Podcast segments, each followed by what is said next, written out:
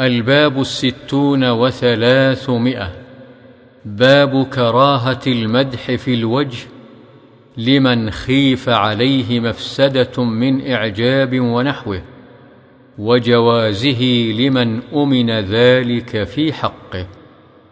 عن أبي موسى الأشعري رضي الله عنه قال سمع النبي صلى الله عليه وسلم رجلا يثني على رجل ويطريه في المدحة فقال أهلكتم أو قطعتم ظهر الرجل؟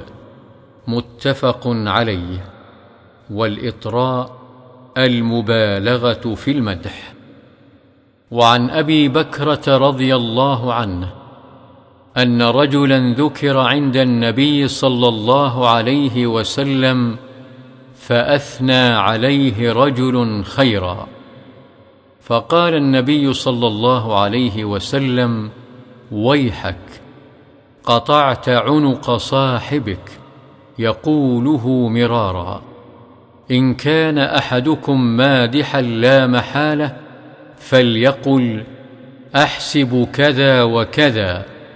إن كان يرى أنه كذلك وحسيبه الله ولا يزكي على الله أحدا متفق عليه.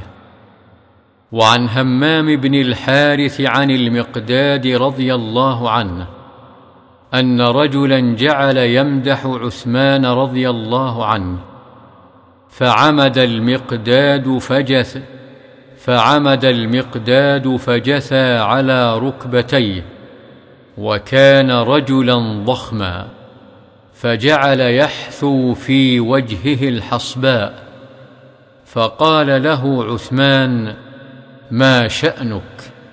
فقال إن رسول الله صلى الله عليه وسلم قال إذا رأيتم المداحين فاحثوا في وجوههم التراب. رواه مسلم. فهذه الأحاديث في النهي. وجاء في الإباحة أحاديث كثيرة صحيحة. قال العلماء وطريق الجمع بين الأحاديث أن يقال إن كان الممدوح عنده كمال إيمان ويقين ورياضة نفس ومعرفة تامة بحيث لا يفتتن ولا يغتر بذلك ولا تلعب به نفسه فليس بحرام ولا مكروه. وإن خيف عليه شيء من هذه الأمور كره مدحه في وجهه كراهة شديدة. وعلى هذا التفصيل تنزل الأحاديث المختلفة في ذلك. ومما جاء في الإباحة قوله صلى الله عليه وسلم لأبي بكر رضي الله عنه أرجو أن تكون منهم أي من الذين يدعون من جميع أبواب الجنة لدخولها وفي الحديث الآخر لست منهم أي لست من الذين يسبلون أزرهم خيلاء. وقال صلى الله عليه وسلم لعمر رضي الله عنه ما رآك الشيطان سالكا فجا إلا سلك فجا غير فجك.